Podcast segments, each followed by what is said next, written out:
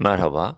BIST 100 dün gün içerisinde 1410 seviyesine yaşanan yönelmenin ardından yatay hareket izledi.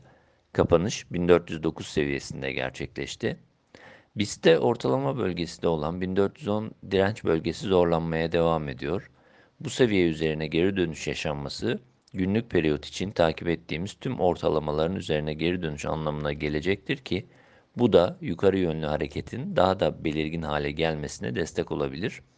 Endekste bu bandın aşılmasıyla 1430-1465 bandına yönelme yaşanması mümkün olacaktır. Bu aşamada saatlik periyot için ortalamalarda eğilim yukarı yönlü ve olumlu teknik görünüm korunuyor. Diğer taraftan BIST'te yeni bir zayıflama süreci için 1380-1370 seviyesi altına geri inilmesi gerekiyor.